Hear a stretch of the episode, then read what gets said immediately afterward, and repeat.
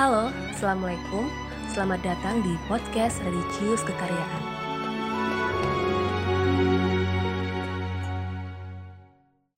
Seringkali kegagalan membuat hidup seseorang menjadi jatuh terpuruk dalam lubang keputusasaan. Namun, ingatlah, kegagalan itu wajar dan semua orang pasti pernah mengalaminya. Manusia tidak akan pernah bisa mencapai titik puncak keberhasilan sampai ia pernah jatuh dalam titik yang paling bawah. Seperti bola basket, semakin tinggi ia dijatuhkan, maka semakin tinggi ia memantul ke angkasa.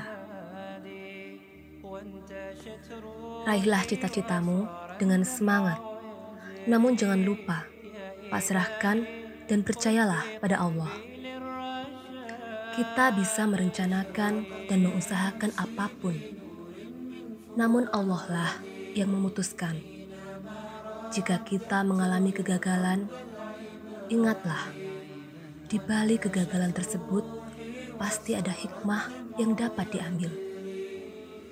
Jangan kecewa kalau Allah belum mengabulkan doamu.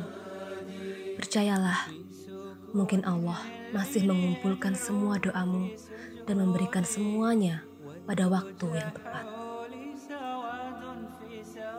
Yakinlah, masih banyak kesempatan terbuka untuk orang yang senantiasa berusaha. Jangan hanya diam dan menangisi kegagalan. Percayalah, semuanya tidak akan ada yang sia-sia. Allah menilai usahamu, sedangkan hasil adalah dari Allah.